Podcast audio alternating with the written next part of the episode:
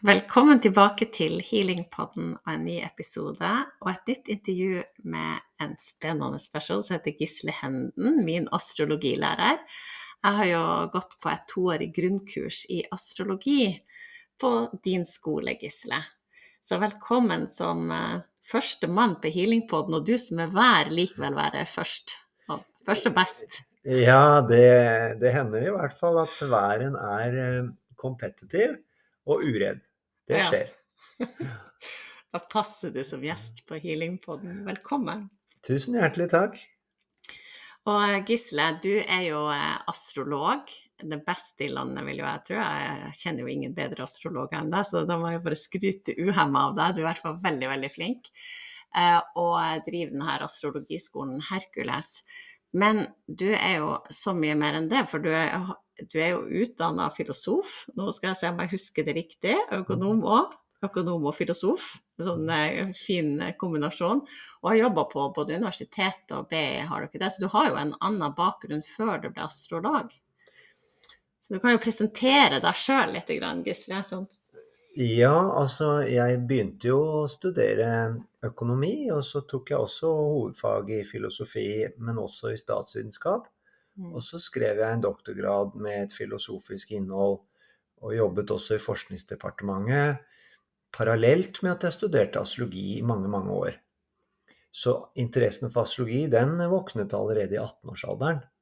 Og jeg jobbet jo med horoskoptolkninger hele veien, selv om jeg holdt på med alle disse andre studiene og jobbene.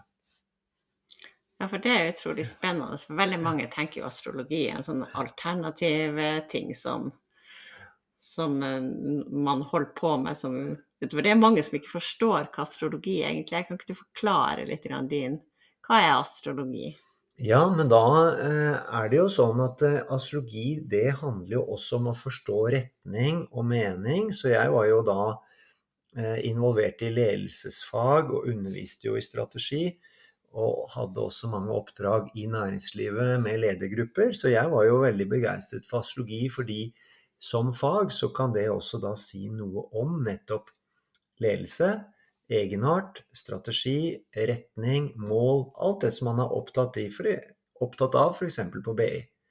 Men, men, så er det jo sånn at eh, eh, fetteren min hadde en liten sønn som var fire år. Når han spurte meg om hva astrologi er, så sa jeg det at det er en blanding av filosofi og psykologi. Og da eh, svarte han det at ja, filosofi vet jeg hva er, sa han. Fire år gammel. Men hva er psykologi? Og så sa jeg at det er det som er inni mennesker. Og han jobber jo på gård og er jo kjent med dyr og slakting og sånn, så han sa at ja, men da vet jeg hva det er, for det er jo bakterier, eh, fett og eh, tarmer. Så da visste han hva psykologi var. Ja, så bra. Ja, det er utrolig spennende. Det er jo så spennende at, at, uh, at du forstår det så For du har, du har, studert det så ufattelig. Eller hvor, lenge, hvor mange år har du studert astrologi? Nei, jeg begynte vel sånn rundt omkring 1988-1987. Ja. Det er lenge. Ja da. Så da var jeg inspirert fra første stund, og veldig begeistret for dette her, da. Mm. Og det har bare fortsatt. Ja, ja. ja. Og så har du starta astrologiskole. Eh, til slutt måtte du samle informasjon, eller var det der? Hva er, var det drøm å starte astrologiskole til slutt? Ja, det var jo en naturlig utvikling, for jeg satt jo og tolket horoskoper, som astrologer alltid har gjort. Eh, og det gjorde jeg jo i mange år, mange tusen horoskoptolkninger, også på alternativmesser og rundt omkring. Og det var veldig lærerikt og veldig spennende, og etter hvert så lærer man seg jo da faget. Og da tenkte jeg at kanskje det kunne være interesse for noen kurs, og så begynte jeg med små kurs, og etter hvert skole. Mm. I det, 2000. I 2000. Ja, sånn røftlig. Ja. Det som jeg syns er veldig morsomt, vi skal komme tilbake til den skolen, men det som er morsomt, det er jo at det er en offentlig godkjenning på skolen din. Er det den eneste i verden med studie? Det ja, studiepoeng? Jeg har forhørt meg litt, og, og, jeg tror faktisk det er den eneste offentlig akkrediterte eh, fagskolen i astrologi. Mm. Det har jo vært eh, på universiteter enkelte steder, særlig i England, ved Bath og også dette Trinity College, eller hva det heter, i Wales, så har de astrologi som et delemne eller et fag du kan studere innenfor andre fag. F.eks. sosial antropologi, eh, idé, historie, den type. Så du, du, får lov til å studere det innenfor rammen av andre godkjente fag. Og så var det også Seattle eh, noe som het Kepler College, hvor de hadde en mastergrad som prøveprosjekt med en midlertidig tillatelse noen år, men den ble dessverre trukket tilbake. Så jeg tror det er den eneste, og det tok syv år å få den akkrediteringen. 200 dokumenter utarbeida jeg i sakens anledning, og de myndighetene hevet seg over loven, endret loven og prøvde alle skitne triks for å stoppe oss. Men vi har jo eh, åndsfrender i utlandet. Dalai Lama har jo også sin egen astrologiskole, så vi er i godt selskap. Ja, så bra. Utrolig kult. Så, og det var sånn også jeg, jeg fant dere, da, rett og slett. Eh, veldig bra. Det har vært et veldig fint studie. Vi skal komme litt tilbake til det.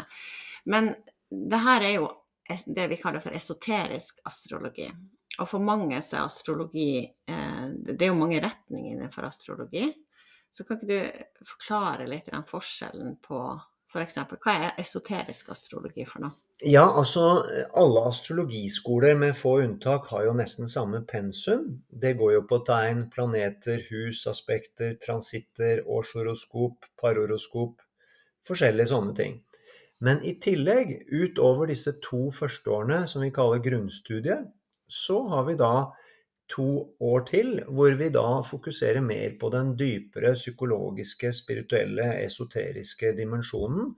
Og det er ikke noe mystisk. Det har jo astrologer holdt på med lenge, men vi forsøker å ta det videre. Eh, Liz Green og Howard Sasportas og en del andre de, de gjorde et veldig viktig arbeid med å introdusere psykologifaget i astrologi. Men det går an å komme mye dypere enn ren personlighetspsykologi med tanke på eh, hva skal vi si, den sjelelige, åndsvitenskapelige, spirituelle komponenten, så kommer man enda mye lenger ned i materien enn du gjør med bare vanlig, ordinær psykologisk forståelse. Så esoterisk, eller eksoterisk, det er innland og utland på flyplassen i, i Hellas. Så esoterisk, det er jo bare et begrep som beskriver det som ligger på innsiden. Mens klassisk eksoterisk, det er det som ligger på utsiden. Så vi sier at tradisjonell astrologi er veldig opptatt av vårt personlige liv, mens esoterisk astrologi går dypere inn i det vi kaller det åndsvitenskapelige, det spirituelle, det sjelelige, som er eh, ord på samme sak. Mm. Og det jeg, jo, jeg har jo følt at jeg kunne astrologi litt mm. hele livet fra den mamma som var veldig interessert i astrologi. Mm. Og da hadde vi de her Linda Goodman-bøkene hjemme som var Bibelen i å finne tegner. Hvis du ja. fant deg en kjæreste, så måtte du inn i den uh, kjærlighetstegnet og sjekke osv. Og, ja, ja. og så begynte så tenkte jeg nå må jeg liksom formalisere det her litt. Eller jeg hadde lyst til å lære å tolke horoskop, og det kan jo virke litt sånn komplisert med uh, streker i alle de aspektene som er streka her og der. Det, det, er ikke så lett å skjønne det hvis du bare ser det og ikke kan det. Så det var jo litt bakgrunnen for at jeg starta. Og så har jeg jo bare Jeg syns det er en hel verden som har åpna seg. For det jeg har skjønt, det er jo egentlig hvor lite jeg har kunnet og forstått. Fordi at det er så stort, og det henger sammen med absolutt alt. Mm. Og det har vært en sånn Astrologi er liksom jeg, tenk, jeg, har tenkt nå eh, etter å ha begynt å studere det, at det her må jo bare alle kunne. ja. det, her, det, her, er sånn missing link i skolen at man ikke kan. Ja. Men hvordan er det det her med at For jeg føler jo at sant, det er knytta til astrologi er, er, knytta til så mange ting. Mm. Det henger sammen med alt. Um, er, det, er, det, fordi at det er sånn gammel visdom, eller ja, altså du kan si eh, Noen kaller jo astrologi eh, for alle vitenskapers mor. Mm. Og det er jo riktig som du sier, at astrologi har vært med veldig lenge, mange, mange tusen år, over stort sett hele kloden. Det er noen kulturelle forskjeller ikke sant, mellom kinesisk astrologi, indisk og vestlig. Men det er jo i bunn og grunn et forsøk på å forstå helheten, eller det ene liv. Og sånn sett så har jo astrologi en viktig rolle eh, for mange mennesker, og har alltid hatt det. Og, og eh, det var jo også Astrologi som fag var jo opprinnelig en av de syv frie kunstarter. Og jeg tror at noe av grunnen til at astrologi har så stor appell fortsatt en dag i dag, er jo fordi at astrologi beskriver premisser og årsaker eh, som ligger i det vi kaller i rommet, eller i eteren, og som da definerer det som foregår innenfor den mer konkrete, håndfaste og empiriske virkelighet. Det var jo også Platon veldig tidlig ute med å påpeke. Han representerer jo noe av vitenskapens vugge i moderne tid.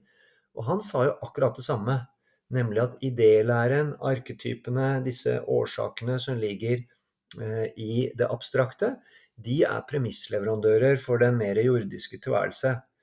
Så, sånn sett så, så står ikke astrologifaget eh, alene. Det er mange filosofer som har støttet opp om samme type logikk og rasjonale som vi astrologer abonnerer på. Da. Mm.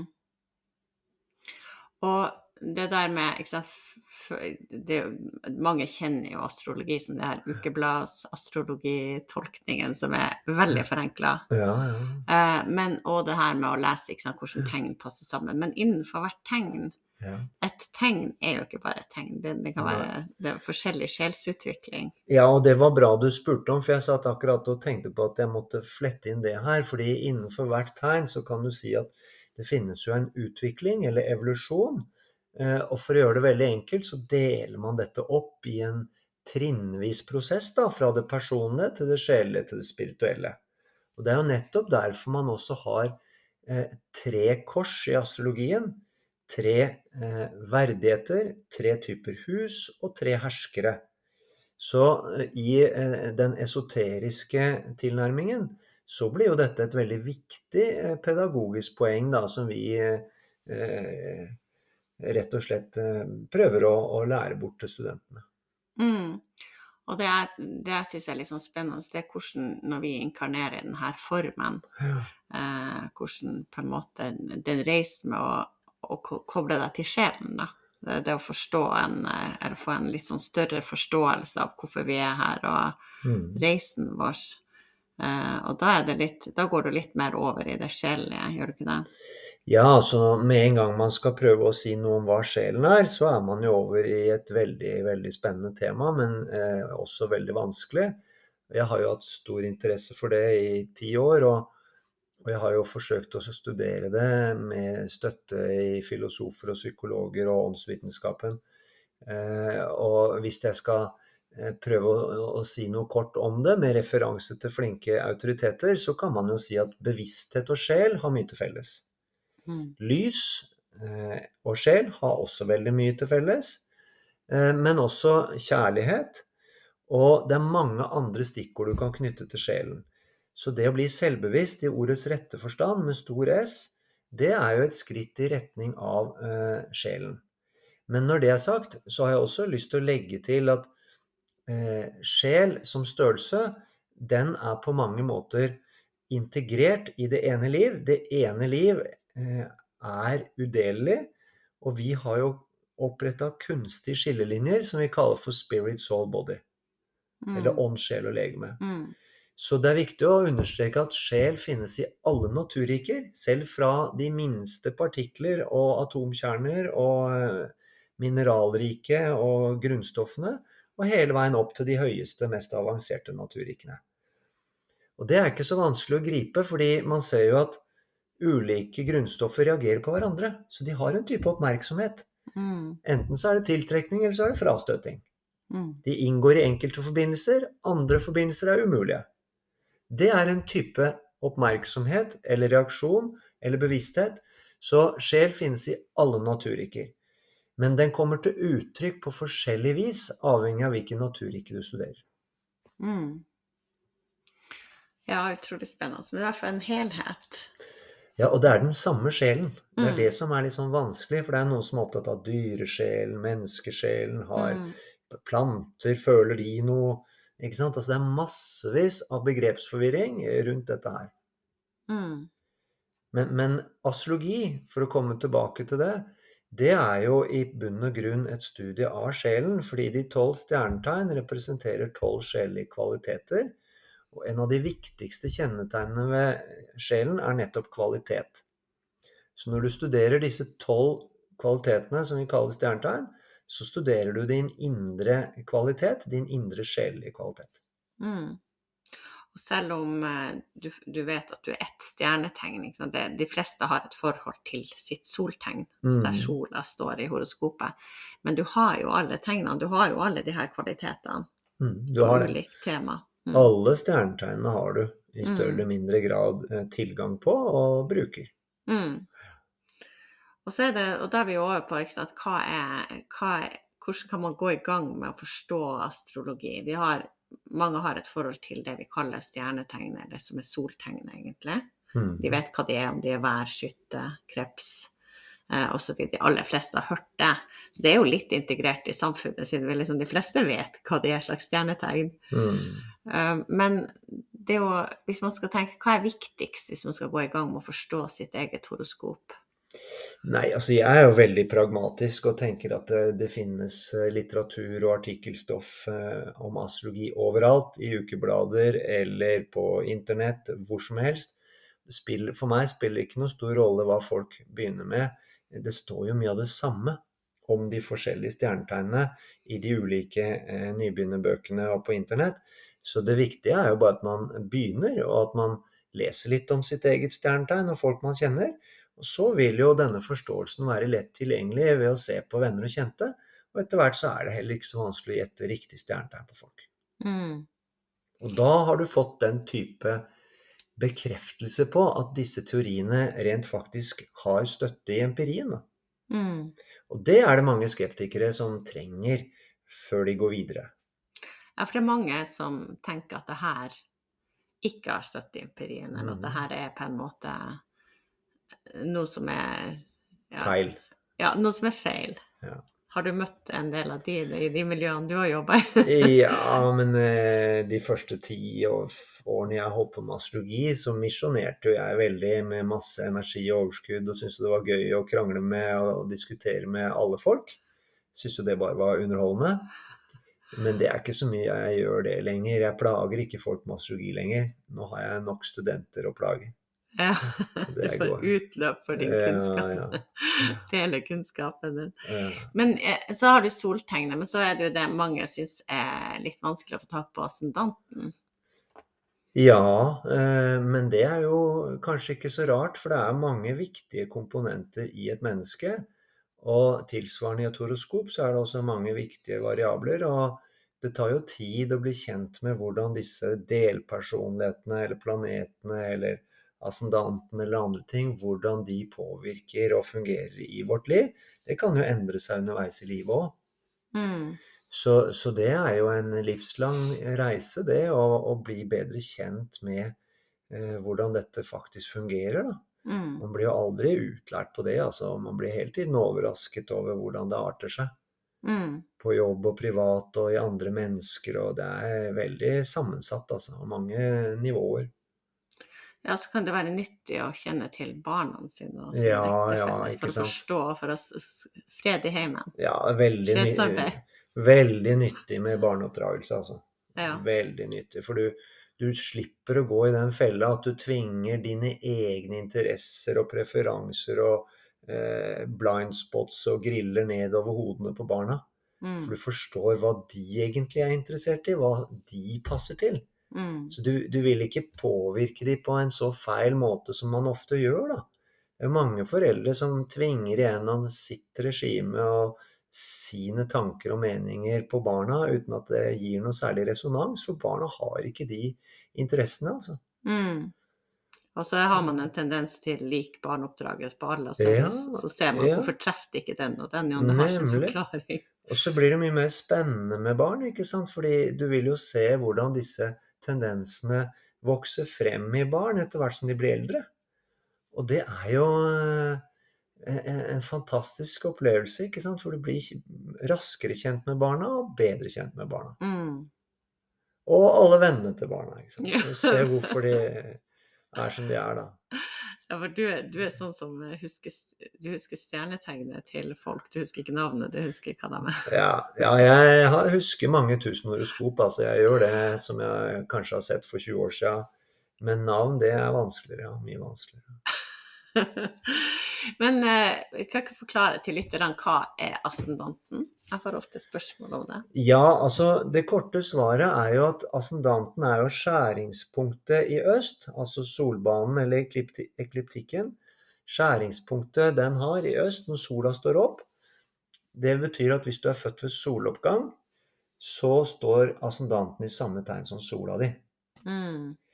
Og eh, det er mange typer tilnærminger til det spørsmålet, da, men vi vet jo at eh, når sola står opp, så blir det jo sånn at natt eh, blir til dag, mørke blir til lys.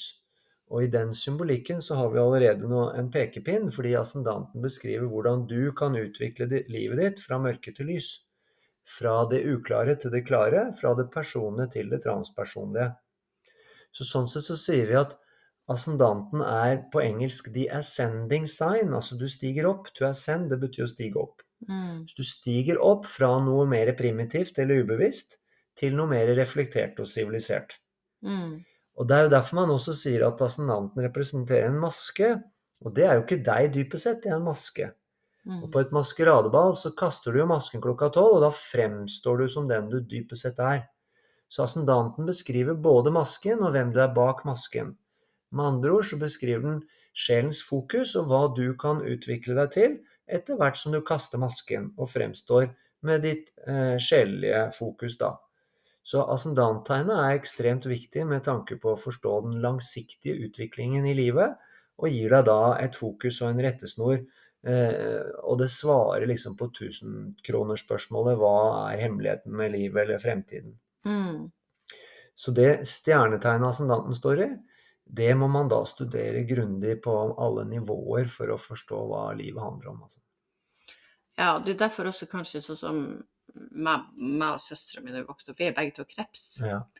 Eh, og jeg har bestandig tenkt liksom at vi er så ulike. Ja, ja. Men det er klart, vi har helt ulik ascendant. ja og og det måne påvirker og måne, Merkur sant? og Ja, Mars og alt mulig annet. Så det er alle de her ting er jo delpersonligheten din som påvirker deg, og så setter deg sammen. Det er Derfor, blir så, derfor er det jo litt også at kanskje ukebladhoroskop ikke helt treffer sånn 100% hele tida. Nei, det er jo en forenkling, ikke sant. Eh, Da må man si noe om eh, hvert av de tolv tegnene.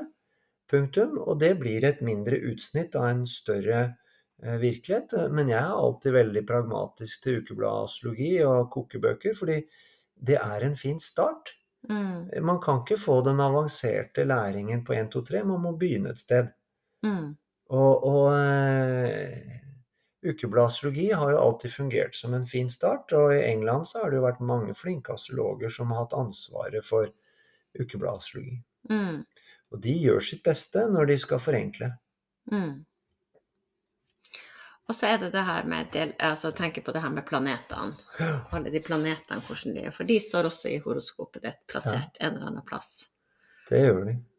Hva er det de representerer for noe, da? Nei, det er delpersonligheter. Mm, Sånn som Merkur, eh, den vil jo stå i et tegn. Og da vil tegnet si noe om hva du tenker på, og hvordan du resonnerer. mm, Så hvis man vet hvor du har, hvilket tegn du har Merkur i, så vet en astrolog på forhånd hva du kommer til å si når du åpner kjeften. Og hvorfor du stemmer rødt eller blått i politikken, og hvorfor du hisser deg opp over det du hisser deg opp over, og sånn. Og, og Saturn sier noe om karakterstyrke og ryggrad og selvdisiplin og en hel haug av de tingene som er viktige for å fikse livet, da. Så alle planetene har sin helt bestemte funksjon. Ja, så står de i et tegn, og så står de også i det vi kaller hus. Hvis Hvis man går litt videre igjen, hva er det husene da beskriver. Det er jo da miljøbetingelser eller livsområder utenfor deg selv. Og etter hvert som man blir eldre, så blir man jo mindre påvirket og styrt av omgivelsene. Mm. Men like fullt så er det noen omgivelser og eh, områder i livet du bruker mer tid på enn andre, og det vil du jo da se i horoskopet. Hvis du har mange planeter i syvende hus, så vil ekteskap og parforhold bli et større tema enn for andre. Mm. Mm. Hvis du har mange planeter i femte hus, så vil egne barn fort kunne bli et stort og viktig område i livet. Mm. Hvis du har mange planeter i tinus, så kan det være du er mer opptatt av å komme deg ut i det offentlige rom og gjøre karriere og bruke mye tid og krefter der, og mindre tid hjemme. Mm. Og det er det som er spennende. Altså, egentlig, du, kan, du kan jo studere mye av det her, jeg forstår litt av det her sjøl òg med å lese, lese litt om ting. Ja. se tema til planetene og tema til huset. Ja. Klarer du å sette sammen det her til Ja. en logisk forklaring for deg sjøl? ja På et da. enkelt nivå, i hvert fall. Det klarer de fleste. Mm. Og bare spennende å begynne der for å se at oi, det her stemmer jo utrolig godt. For det, Ja. det er jo sånne opplevelser du får når du Ja. dykker ned i det. Ja, men, men eh, det som er problemet, er jo ofte at folk har ikke god nok selvinnsikt. Og de har kanskje ikke nok livserfaring, eller de har kanskje ikke utforsket eh, eh, andre eh, dimensjoner i livet som ligger skjult for de fleste. Og da er det heller ikke så lett å forstå eget horoskop. For det skal helst gi en resonans. Og det er veldig fort gjort å innbille seg ting og tolke feil. Mm. Fordi du ikke kjenner deg sjøl så Ja, ennå, ja, rett og slett. ja. Mm. Og også fordi teorien på mange måter kan være litt vanskelig. Så det er fort gjort å vektlegge ting feil Mm. i et horoskop. Mm. Det er derfor det kalles en tolkningskunst. For det er jo da Si det er 20-30 viktige variabler i et horoskop, da, bare for å ta et tall, så skal jo disse eh, belyse hverandre, og de skal vektes. Og, og det krever god dømmekraft og mye erfaring osv. Mm. Og for de som har sett et sånt horoskop printa ut, så Og det var det jeg syns Det var grunnen til at jeg begynte på skole. Hadde lyst til å tolke og forstå de der Ja. strekene og pilene og Ikke så mye piler, men streker i hvert fall i et horoskop. Da. Det kan virke litt sånn kryptisk når man får det, hvis man bare ser bilder av det. ja. Og det her er de aspektene, altså hvordan kan fortelle bare sånn Hva er det for noe?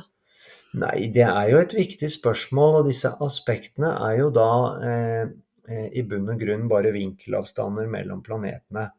Men vi sier jo da at hvis det er et aspekt mellom to planeter, så fungerer det litt på den måten at de to planetene de har da en tettere forbindelse og samarbeid på godt og vondt enn hvis de ikke hadde hatt noe sånn forbindelse eller et sånt aspekt. Mm. Så, så sånn sett så, så er det spennende med aspekter, for de sier noe om samarbeidsklimaet mellom disse forskjellige komponentene i horoskopet.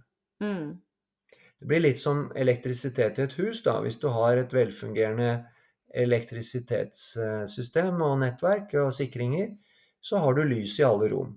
Men hvis det er noe kortslutning et sted, så mangler du jo lys i et rom. Og sånn er det litt med aspekt nå. De sier noe om hvordan disse forskjellige planetene kan opplyse hverandre eller hjelpe hverandre, sånn at alle skjønner alt. Mm. Ja, det, men ikke sant, det her blir jo på et det er, jo, det er jo mulig å få tolkning av det. eh, det eller gå på skole. Mm. Eller Eller begynne på på, Herkules, rett og slett. Ja, det er det lureste. Det er det lureste. ta, det- ta et toårig grunnstudie. Jeg som Ja. begynner på profesjonsstudie. Jeg føler meg veldig sånn Ja, da går det fort framover. Ja, og vi må jo snakke Vi skal jo litt tid også til å snakke om, eh, om det studiet. fordi at eh, to, det, er sånn, det er lagt opp sånn at det er to år med samlinger som danner grunnstudiet. Mm. Blir du astrolog da? Ja, så du vet eh, eh, De aller fleste profesjonelle, flinke astrologer, de er selvlærte. Mm. De har aldri gått på en astrologiskole. Mm. Eh, Så man trenger jo ikke å gå på noen astrologiskole for å bli astrolog. Det er egentlig helt unødvendig. Men hvis man går på en skole, så får man jo da litt motivasjon fra skolen og fra klassen og medstudenter. Så man får litt hjelp til å studere, og da gjør man kanskje litt raskere fremskritt. Og man får selvfølgelig også en struktur på alt eh, stoffet, og det kan også være til god hjelp, slik at man slipper å kaste bort mye tid. Så hvis man skal gjøre alt på egen hånd, så er det jo av og til litt mer komplisert å forstå hvordan ting henger sammen. Så det eh, sparer man seg for ved å gå på en skole. Så hvis man har eh, begrensa med tid til å studere astrologi, så bør man jo gå på skole, for da lærer man mer på eh, kortere tid. Mm. Og så slipper man kanskje også eh, feil eh, kunnskap, for det, eh, det er jo eh, sånn at hvis man skal lære noe, så er det en stor fordel å gå til kilden og snakke med de som har holdt på lenge, for de eh, har litt mer erfaring. Mm. Så Gisledam, den skolen, hvis du har lyst til å starte, det er, det, det er jo fysisk oppmøte. Det er en ordentlig skole. Det er ordentlig skole, ja. Og eh, det er jo et friskt pust i vår tid, hvor alle sitter aleine foran en PC-skjerm. Det er jo sørgelig. Så eh, vi har syv helgesamlinger i året. Men eh, for de som ikke tør eller vil kan komme på skolen, så streamer vi jo undervisningen. hvis folk ligger hjemme med korona eller andre grunner, så har de backup. Og så har vi i tillegg til den ordinære undervisningen i klasserom, så har vi også hele studiet som nettstudie for de som ikke kan eller vil eller har mulighet til å være med i klasserom. Si de bor f.eks. langt ute i grisgrønte strøk og jobber hver helg på det lokale sykehuset, så kan man ta det som nettstudie. Da får man tilsendt alt materialet som video, lydspor og artikler og alt sånt noe. Så jobber man på egen hånd. Mm. Da kan man også være med i klassen hvis man har lyst til å ta turen til Oslo, Trondheim, Bergen eller Stavanger og være med på enkeltsamlinger. Mm. Det starter ikke opp hvert år? Nei, det gjør det ikke. For det er jo begrensa med helger i september, oktober, november. Og derfor så er det ikke nok lærere, og heller ikke nok interesse til å starte opp alle steder hvert år. Så med unntak av Oslo, så gjør vi oss alltid ferdig med en klasse før vi starter ny. Mm. Så det går fort både fire og fem eh, år mellom hver klasse eh, ved disse andre avdelingene. Men i Oslo er det jo litt flere som bor, så her har vi av og til faktisk startet hvert år. Men eh, av og til er det hvert andre eller hvert tredje år. Ja. Men vi starter nå til høsten i 2023, og det er allerede veldig mange påmeldt, bl.a. to professorer. Ja, det, det er litt gøy. Det er gøy. Ja. det er gøy når vi får det inn i akademia. Ja. Men eh, hvis man skal melde seg på, da, da går man på eh, astrologi.no, som jeg sier. Jeg skal legge ut link også til episoden. Eh, og der kan man lese litt mer om studiet også. Det kan man. Mm. Og da er det bare én vei videre, og det er å begynne å studere astrologi. Jo før, jo senere. Og den eldste studenten vår var 84 år. Og hun hadde Uranus i været, så hun startet jo da på Uranus return, altså når Uranus hadde gått en hel runde rundt sola, det tar 84 år, så startet hun på astrologiskole. Og Uranus er jo knyttet til nettopp astrologi. Ja, det er spennende. Da har jeg lyst til at vi skal gå inn på astrologi.no og kikke litt på studiet. Og det er få studieplasser igjen hvis man vil være med i Oslo. Ja, en seks, sju, åtte plasser ledig nå. Ja. Sånn ja. Så eh, er det det, men du nevnte det her med Uranus return, men det her med at eh, f.eks. årshoroskop, mm. det er jo når sola kommer tilbake der sola var.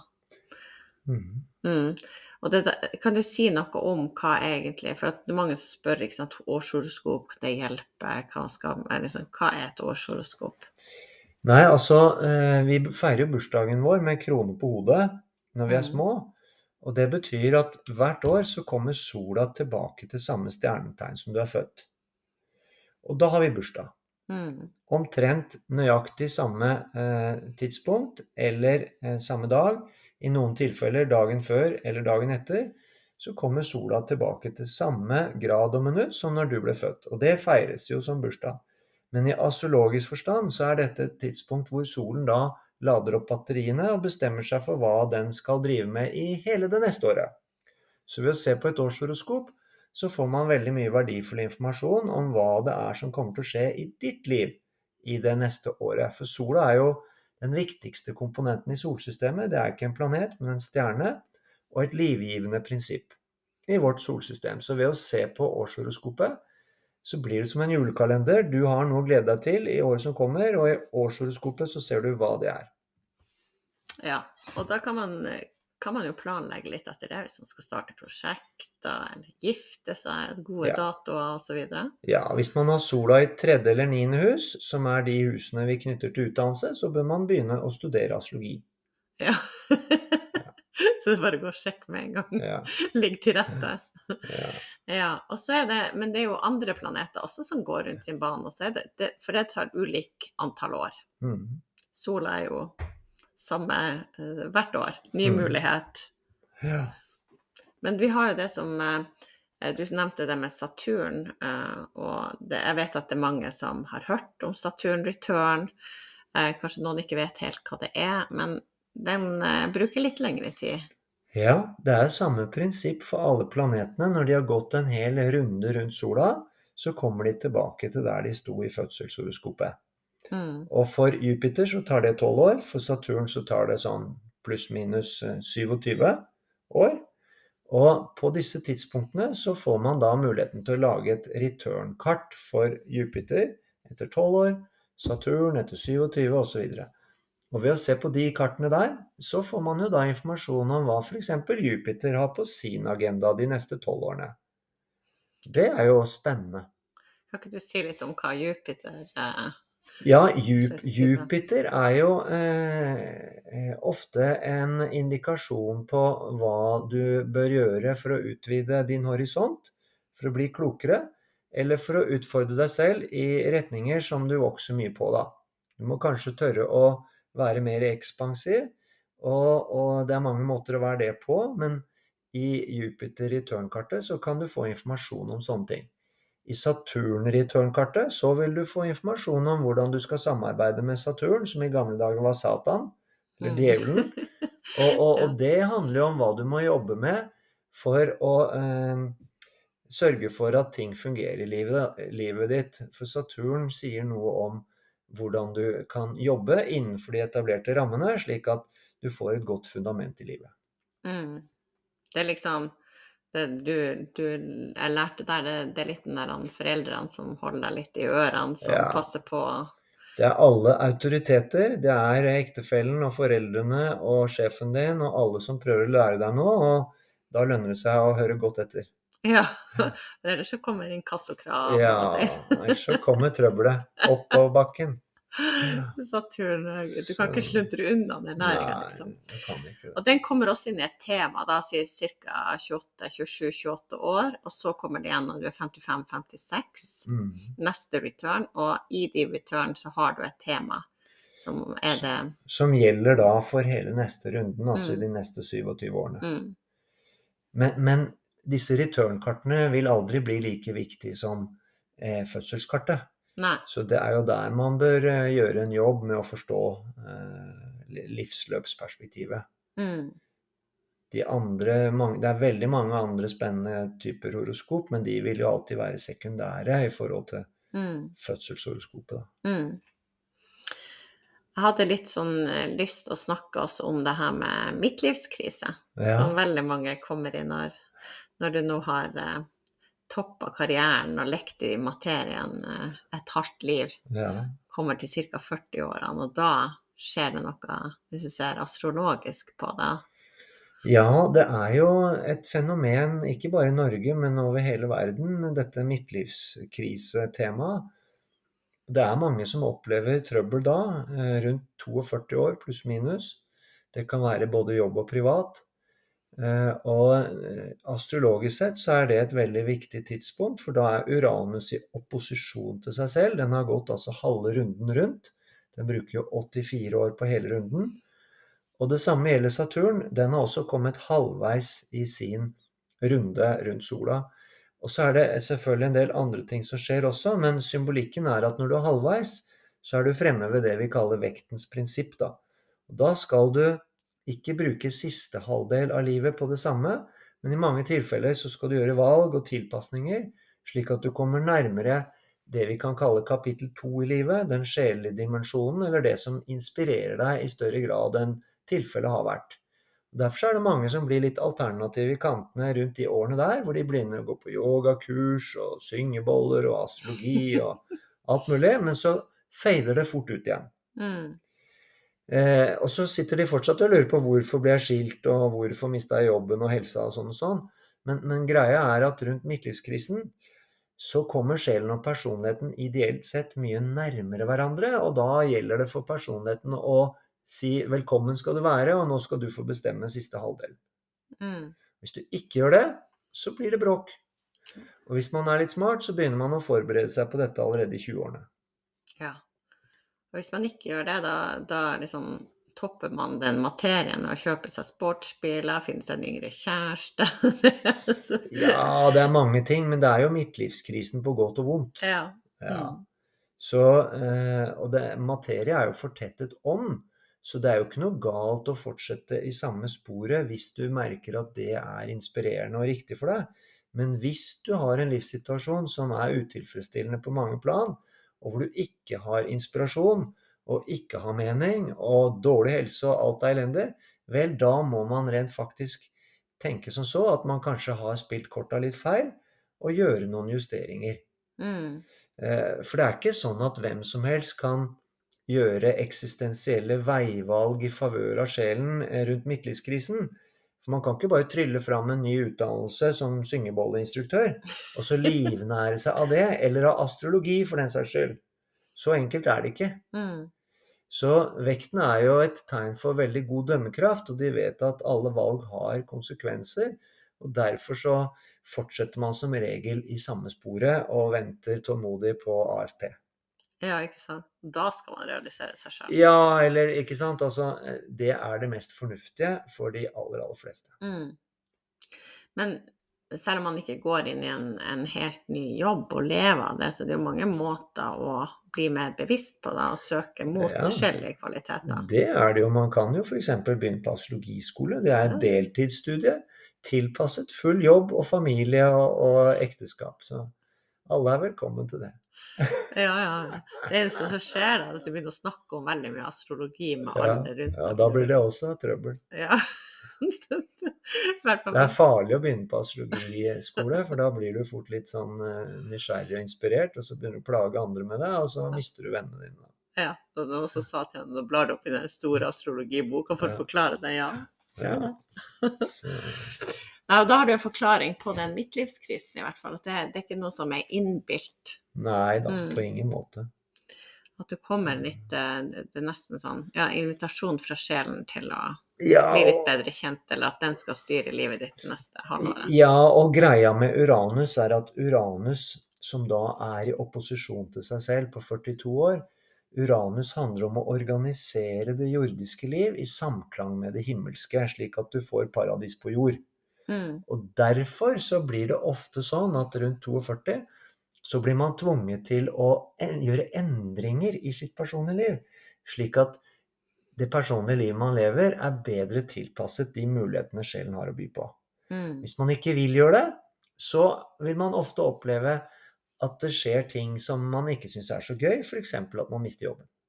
Ja, man blir tvungen ut i en utvikling. Ja, du blir ofte sparka ut av både av jobb og ekteskap og forskjellige ting. Så det er jo det som ligger bak, og det er derfor jeg sier at det kan lønne seg å gå frivillig. Ja. ja, ikke sant. Når du, var, du er litt tunglært, så Ja, hvis du er tunglært og ikke skjønner tegninga, så smeller det godt rundt øra rundt midtlivskrisen. Altså, det er ikke bare i Norge, det er hele verden. Ja, ja, ja. Og det, og det, det er jo de her tingene synes jeg som er utrolig spennende med å dykke ned i det. At det, det der det gir så mye forklaringer på mange Mm. ting med ditt, ditt liv som ikke Det er jo ikke en oppskrift, det er jo mer å eksperimentere med å lære å forstå Mm. uh, og, og kunne Jeg tenker at det er jo et eksperiment. Du skal kjenne hvordan det føles for deg, og så Det gir en god for, forklaring, i hvert fall. Ja, ja da, og det er meningsbærende, men samtidig så er det jo vanskelig å forstå rekkevidden av disse perspektivene. Mm. Det må studeres over litt tid, da, for å få modningen av stoffet. Men du kan jo få god utbytte av det med en gang. Ja da, det er viktig å understreke. Det ser vi jo på alle 13 år gamle jenter. De er jo eksperter på astrologi. Ja. Det kommer fort, altså, fordi det er bare å se på folk rundt deg og observere hvordan de lever. Og det er ikke vanskelig å se forskjellen, altså. Nei. Ikke i det hele tatt. Nei, og, og unge er jo også veldig åpne, syns sånne her ting er litt spennende. Ja, mange. Ikke alle. Men uh, unge jenter har jo alltid vært litt opptatt av stjernetegn. Ja.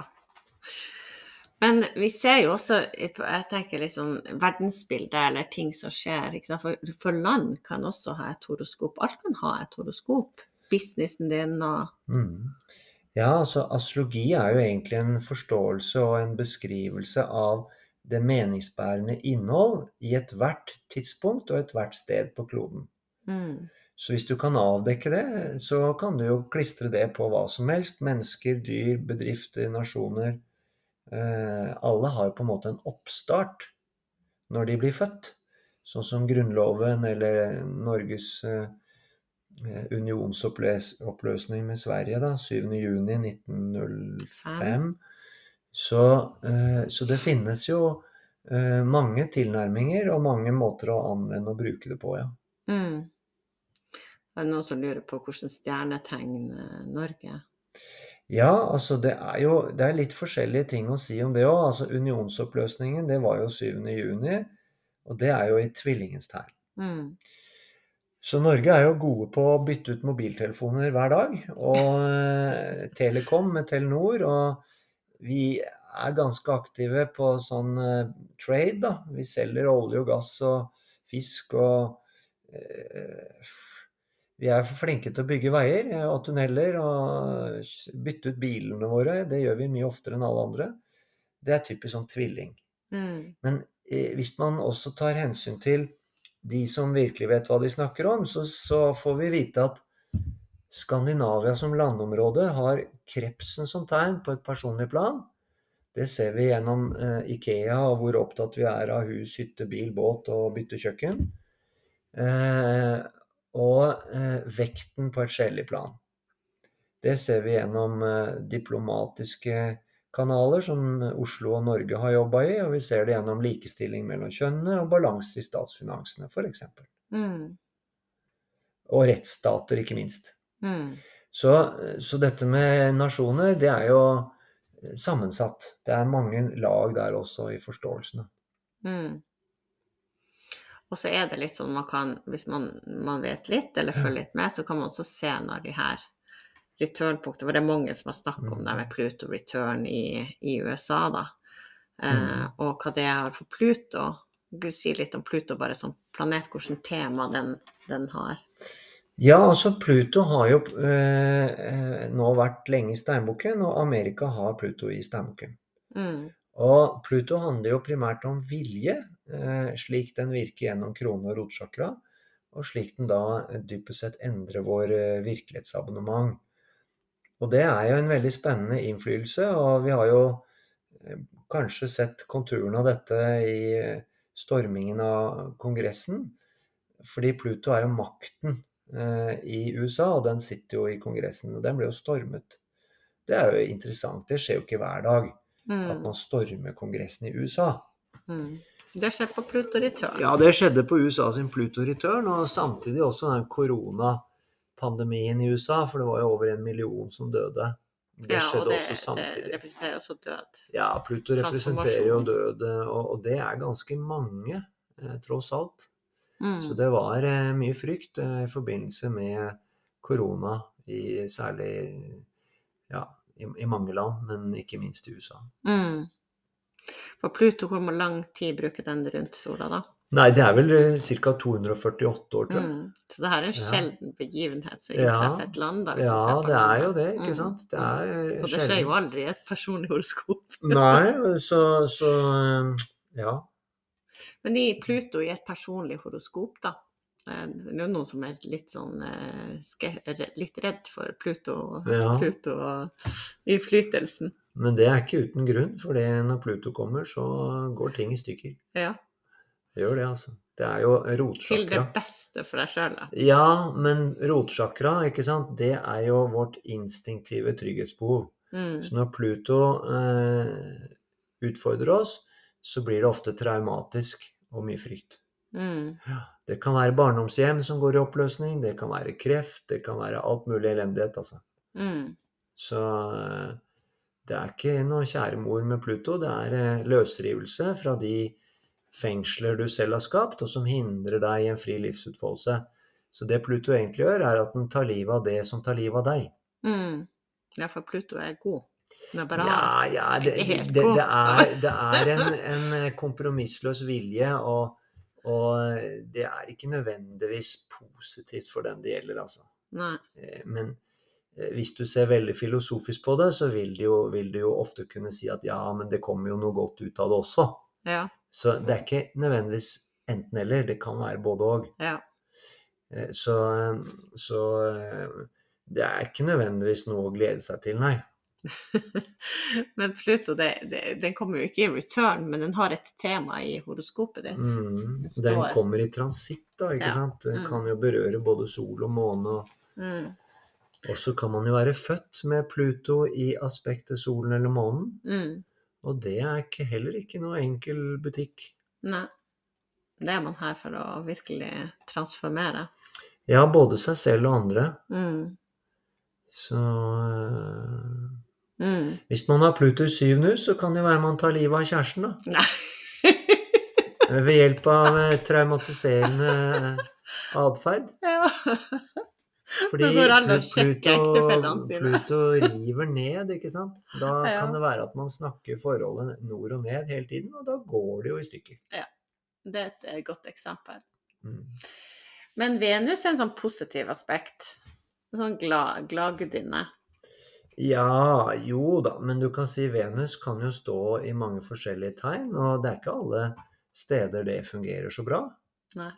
Så, så eh, hvis man sier at Venus primært styrer tankelivet og pannesjakra, eh, og du har en Venus som ikke fungerer så bra, vel, da kan du få et mørkt sinn, da. Mm. Og hvis den står eh, dårlig plassert, så kan det være at du i kjærlighetslivet opplever utfordringer. Mm. Si Venus står sammen med Saturn da, i fødselskartet, så kan det være at du enten avviser ektefellen, eller selv blir avvist. Mm. Og hvis den står eh, i skorpionen, så kan det være at du eh, fristes av det du ikke bør fristes av. Gjentatte ganger. Ja, gjentatte ganger. Det er mange sånne humoristiske eksempler, da. Ja. Men det er derfor det er, det er lærerikt da, å dykke ned i sitt eget horoskop og se, se alle mulighetene, læringen, Mhm. vekstpotensialet. Ja, og så går man seg vill, da, vet du, for man begynner jo da å se på kjæresten og sånn og sånn, og så tolker man feil. Ja. Og Det er jo ikke bra, det heller. Nei. Men man kan legge sammen et par horoskop. Det å legge horoskopene, eller lage et horoskop felles, da. Mm. Ja, man kan slå sammen to horoskop, så får du et nytt tredje, som da sier noe om hva man skaper sammen. Mm.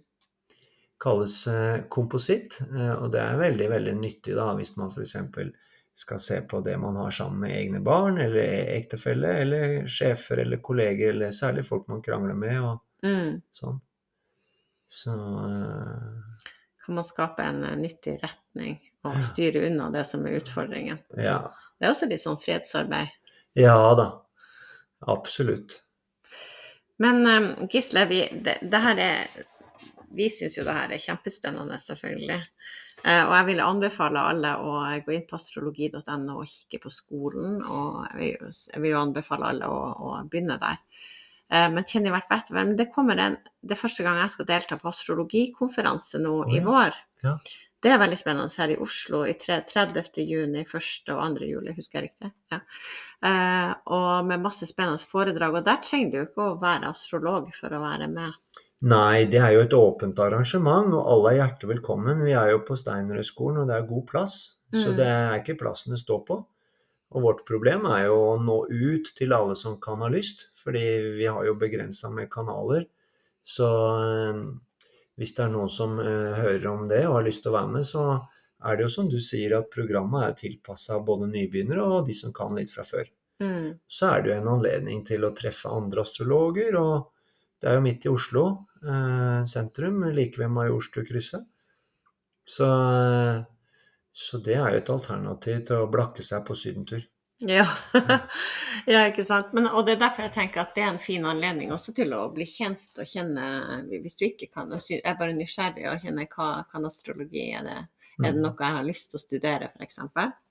Ja da, det er, eh, det er et variert program, så man Mm. blir jo da eksponert for eh, ulike temaer og, Mm. og foredragsholdere. Og, så det er jo en smakebit. Du skal holde foredrag, og, og Ja. jeg kommer. Ja, det er vel syv foredragsholdere eller noe Ja, sånt. det så var er utrolig spennende. Ja, jeg gleder meg masse. Så snakker de jo norsk alle sammen, så vi Mm. prøver jo å løfte fram det norske astrologimiljøet. Mm. Og, og det skjer ting. Ja. Ja, Mm. så Veldig bra. Så jeg anbefaler de som har mulighet eller er i nærheten. Du kan jo delta på én dag òg, kan du ikke det? Jo, det er et godt poeng. Hvis man øh, ikke har penger, så kan man være med på bare én dag. Eller betale- ti. Ja, betaler bare for én dag. Ja. Det er jo fra, fra fredag ettermiddag til søndag ettermiddag. Ja. Og eh, man velger jo selv da hvilken dag man eventuelt vil være med på. Mm. Spennende. Det her, eh, det her er jo vi engasjerte og jeg håper det har engasjert dere som lytter, og at dere har lyst til å lære mer. Eh, Hvor treffer de deg, Gisle, da? Nei, men telefon Å oh, jo, men jeg sitter bare og venter på telefoner, for jeg sitter aleine hjemme og jobber hver dag hele året nesten. Ja. Så det er bare å ringe eh, på eh, telefonnummeret som står da på astrologi.no. Nederst på alle sidene så står det til og med to telefonnummer. Og jeg Ah. svarer alltid med en gang, så det Du er har bare to å ringe. telefonnummer. Du Jeg har to nemlig fasttelefon òg. Ja, å ja, ja, det er lurt. Ja, ja, ja. Men da, for hvis du da lurer litt på det studiet, om, om det er noe for deg, om du, hvordan det er lagt opp, så kan du ringe og snakke med deg. ikke sant? Det, det tenker jeg. Det Ja, jeg. det er litt skummelt, for da kommer du sikkert til å melde deg på med en gang. Men eh, det er bare å ringe, ja. Ja, for du er jo du er vær, det er er god til å overtale. Ja, altså væren kan jo eh, være entusiastisk. Ja. Det er riktig, det. I hvert fall hvis det er noe de selv har tro på, så, så kan de selge snø til snømenn. altså, det kan man være obs på. Ja. Nei, men tusen takk, Gisle, for det her intervjuet, og, eh, og for at jeg fikk komme på besøk. Ja, jeg skal si tusen takk. Nå er det jo 30 varmegrader her, så jeg er litt, eh, merker jeg er litt redusert. Jeg har jo nesten ikke sovet i natt heller. Men eh, igjen eh, til eh, alle som har lyst, eh, gå inn på astrologi.no. og Tusen hjertelig takk for anledningen til å være med på dette her. Det jeg er veldig glad for at det er noen som gidder å lage podkast om astrologi. Ja, men Vi har jo også egen podkast som heter Ja. Astrologipodden.no. Ja, astrologipodden. Er, der har du lagt ut episoder om, eh, om stjernetegn. Ja, noen få. Noen få. Kommer flere. Kommer. Neste gang kommer krepsen, Ja, som er mitt tegn, så det, det er veldig fint. Ikke sant. Nå er det krepsesesong. Ja. Mm. Men tusen takk, Gisle, og tusen takk til dere lytterne og for at dere har hørt helt hit. Del gjerne episoden. Gå inn på astrologi.no. Følg meg på Instagram, healingbyhege, og følg eh, Healingpodden og del den. Så jeg ønsker dere velkommen tilbake med neste anledning.